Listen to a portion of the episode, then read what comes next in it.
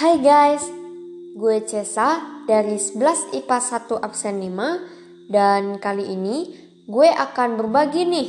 Yo, mau tahu ya? Mau tahu aja atau mau tahu banget nih? Daripada lama-lama, yuk cekidot. Nah, di masa pandemi tentu kita butuh dong imun yang kuat. Ya, salah satunya dengan makan sayur-sayuran dan buah-buahan yang cukup. Terus, sampah sayur dan buahnya kita apain tuh? Biasanya sih dibuang ke tempat sampah. Tapi kalian tahu nggak? Ternyata sampah itu bisa mengalami pembusukan loh. Dan yang lebih parahnya, menghasilkan gas metana. Gas dengan emisi gas rumah kaca 23 kali lebih ganas daripada CO2.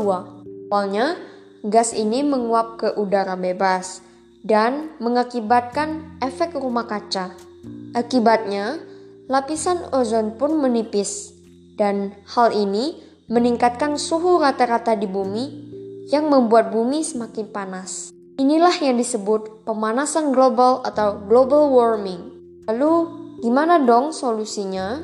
Nah, karena kita itu manusia zaman now, ya pastinya suka yang simple dong. Makanya ekoenzim solusinya. Ekoenzim adalah hasil fermentasi dari limbah dapur organik seperti gula, sampah sayur plus kulit buah, dan air dengan komposisi 1 banding 3 banding 10. Dalam proses fermentasinya menghasilkan gas O3 atau ozon yang bisa mengurangi CO2 di atmosfer yang memperangkap panas di awan. Apalagi enzimnya mengubah amonia menjadi nitrat yang fungsinya sebagai hormon alami dan nutrisi untuk tanaman. Lalu mengubah CO2 menjadi karbonat atau CO3 yang bermanfaat bagi tanaman atau kehidupan laut.